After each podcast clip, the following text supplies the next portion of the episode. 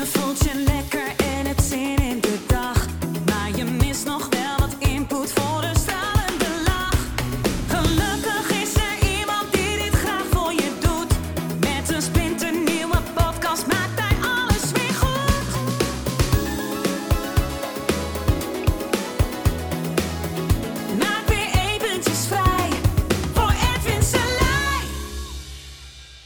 Hallo ladies and gentlemen, eindelijk weer eens een verse podcast. Ja, ik was er, eh, nou ja, klaar mee is natuurlijk een groot woord. Maar ik had wel het gevoel eh, van, ja, eh, wat heb ik te melden? En, ehm, en dat kwam gewoon door, de, door eigenlijk de klap van de, nou ja, zoals we dat kunnen noemen, de crisis.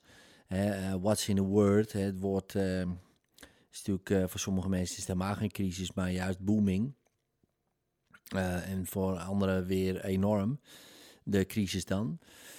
En voor zo andere mensen is het gewoon normaal allemaal, of tenminste normaal, maar gaat het leven gewoon zijn gangetje. Maar ik dacht van, ja, ik weet niet, er was een soort dip in mijn energie. En ik dacht van, ik heb helemaal geen zin om eh, wat in te spreken, te produceren. ehm, ik was er wel eh, even klaar mee.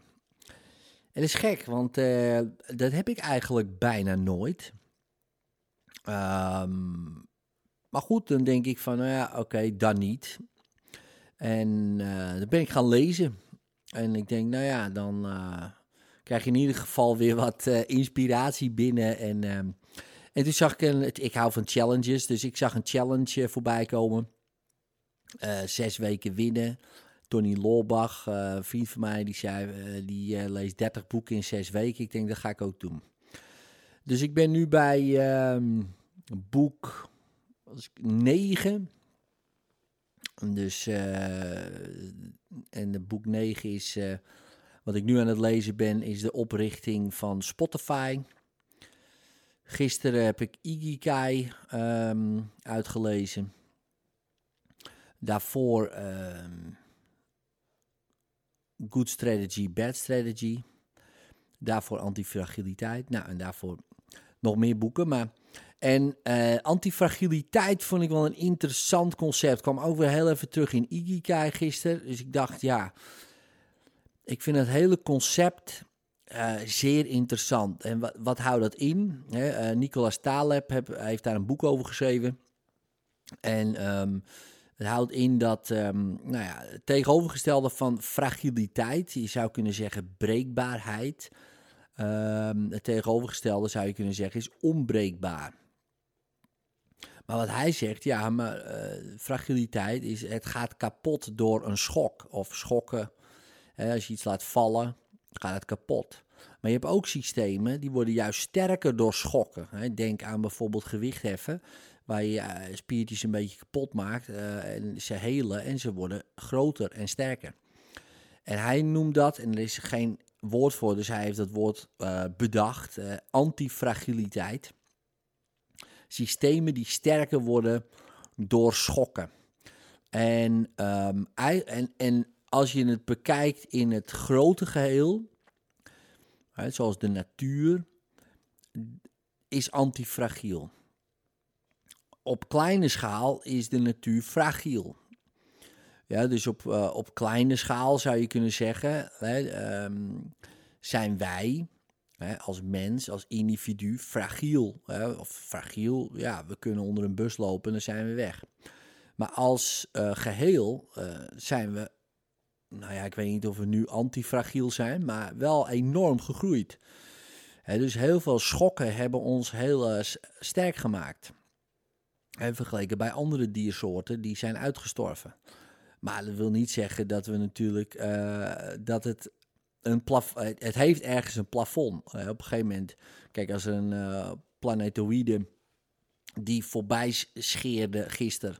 Nou ja, scheren, hè, 16 keer de afstand van de aarde, maar dat noemen ze dan eh, voorbij scheren. Als die ploft op onze aarde, zo groot als de stad Utrecht, ja, hebben we wel een uitdaging. Hè? En, eh, en dat ehm, komt eens in de, zeggen ze, 22 miljoen jaar voor, we zijn 60 miljoen jaar verder. Dus de kans dat er gebeurt, ja, is aanwezig. En zo'n botsing overleeft niemand. Ja, dus als hij groot, uh, groot genoeg is. Dus zo fragiel zijn we ook wel op een klein stofwolkje in het universum. Maar als je kijkt naar verschillende systemen en wat ik interessant vond wat hij beschreef, um, en dat is een leuke overdenking voor je. Um, het Romeinse Rijk bijvoorbeeld, uh, of het Osmaanse Rijk.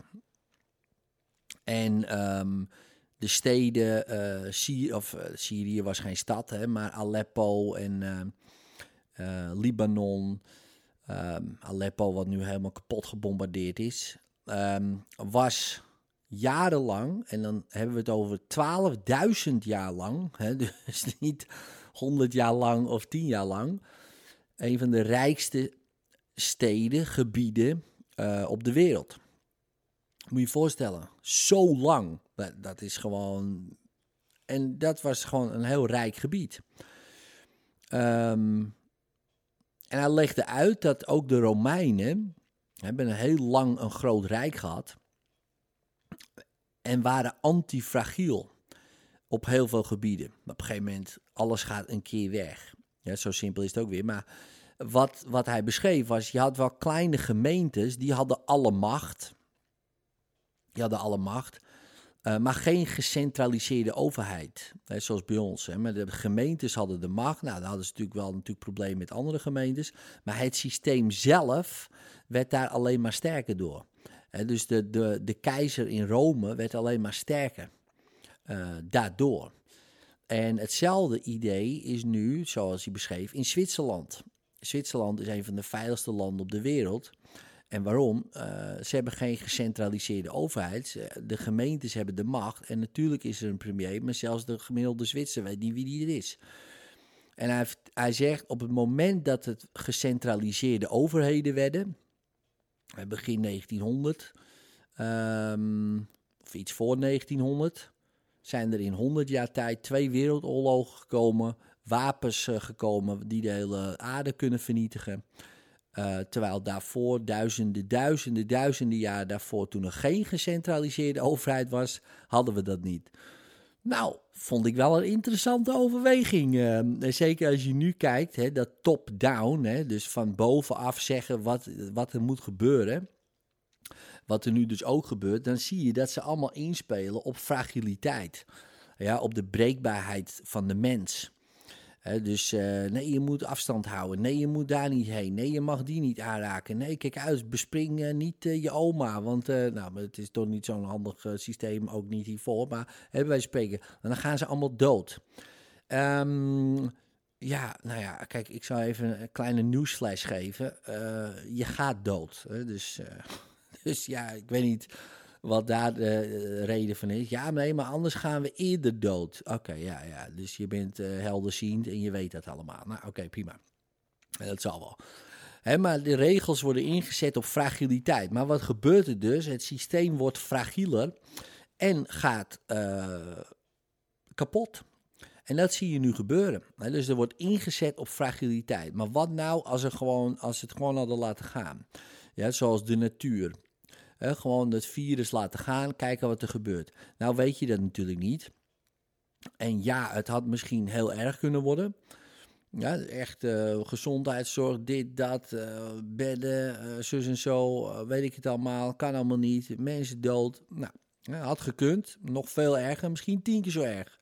Twintig keer zo erg. Nou, dat is een mega, mega heftig. Ja, dat is gewoon een verschrikkelijk probleem. Het probleem is nog, denk ik, zacht uitgedrukt. Zeker als je halve familie bijvoorbeeld weg is. Dan uh, ben je helemaal, helemaal naar de kloot. Ja, dus het, ergste, het allerergste scenario. Wat ik niet eens denk dat er had gebeurd. Maar bij wijze van spreken. Zo'n Spaanse griep-idee. Nou, dat. Maar wat gebeurde daarna? Daarna is de opbouw en zijn we er sterker uitgekomen. Degene die overblijft. Natuurlijke selectie. Ja, dat klinkt natuurlijk super hard en heftig en dat. Maar zo werkt het, uh, de natuur. En de natuur is meedogenloos. Waarom? Omdat het systeem sterker wordt en het is ondergeschikt aan het individu. En nou klinkt dat heel heftig, want wij willen natuurlijk, hè, ons ego zegt, ja nee, maar ik ben belangrijk en natuurlijk ben je belangrijk en ik ben ook belangrijk en mijn kinderen zijn belangrijk. Maar als we kijken naar het hele geheel, zijn we natuurlijk totaal onbelangrijk. Ehm, en dan kunnen we onszelf heel belangrijk vinden, prima.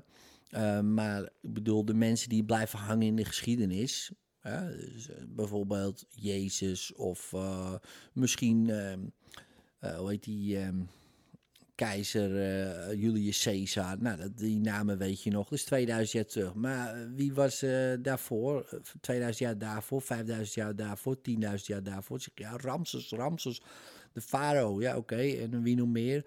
En in China, al die dynastieën, is allemaal weg joh. Dan heb ik het niet eens over 50.000 jaar geleden, weet helemaal niemand meer. Dus ik bedoel, uh, dit, het, het overcontroleren en beschermen is echt gewoon de grootste waanzin aller tijden. Ook heel begrijpelijk, want dat is onze natuur. We willen beschermen. Jij wil je kinderen beschermen, je wil je huis beschermen. Um, in Amerika heb je tweede amendement en, dan moeten we allemaal gaan wapens gaan dragen om onszelf te beschermen. En we zijn heel beschermend.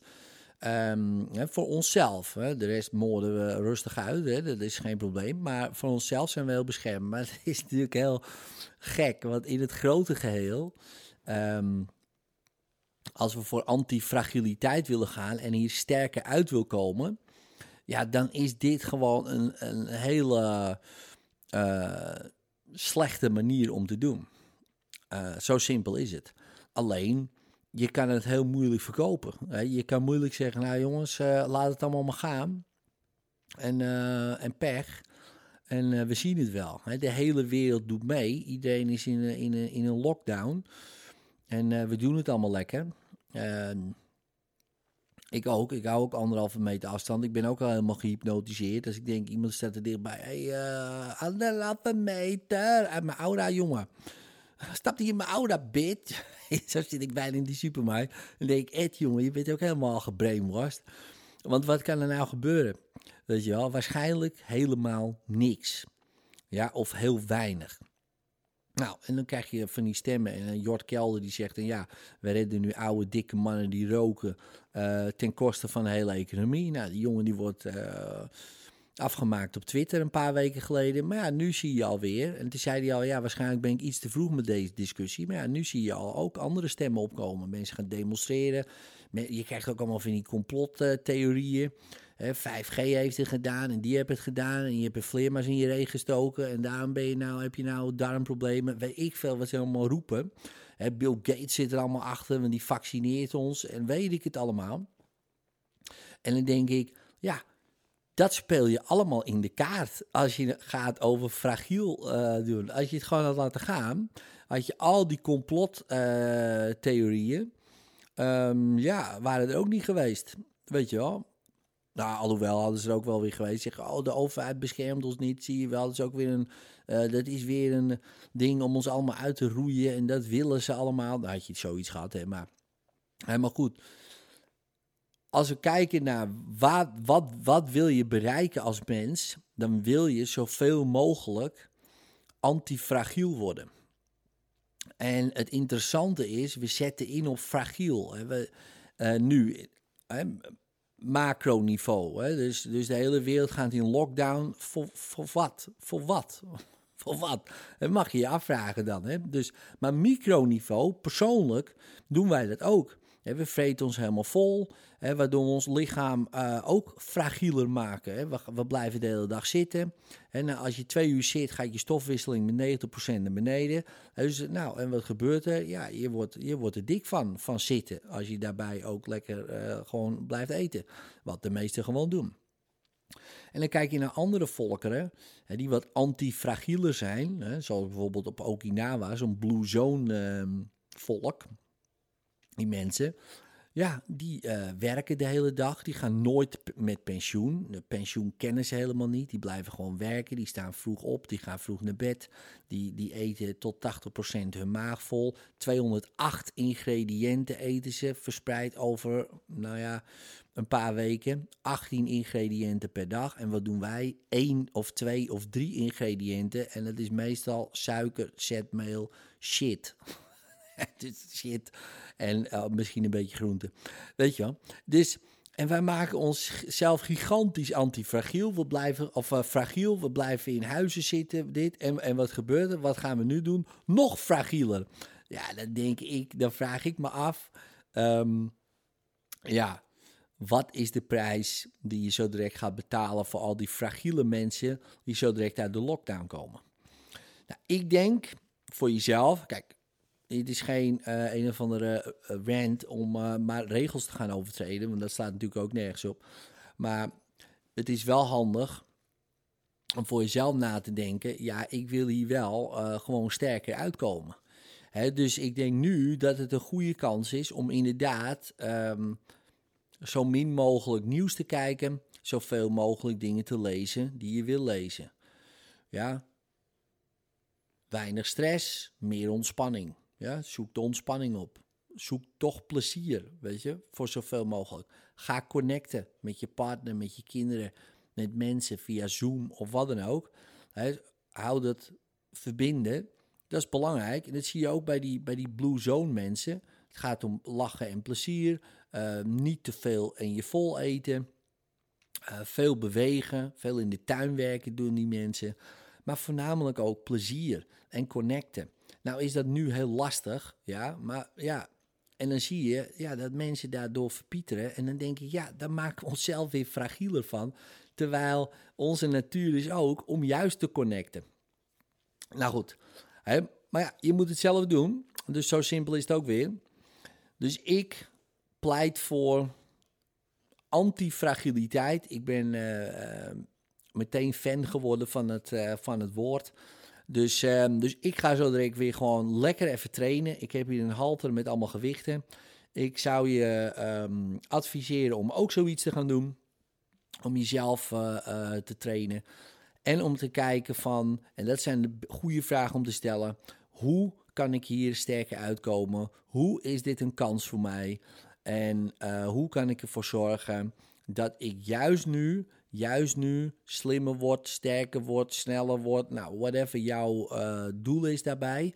Zodat je niet, ja, zoals best wel veel mensen, eh, er fragieler uitkomt, maar juist antifragieler. Succes! En vond je deze aflevering tof? Geef dan even een duimpje omhoog of een 5 sterren review met een leuk verhaaltje erbij. Zou ik super tof vinden en abonneer je op dit kanaal zodat je de volgende podcast zeker niet mist. Later!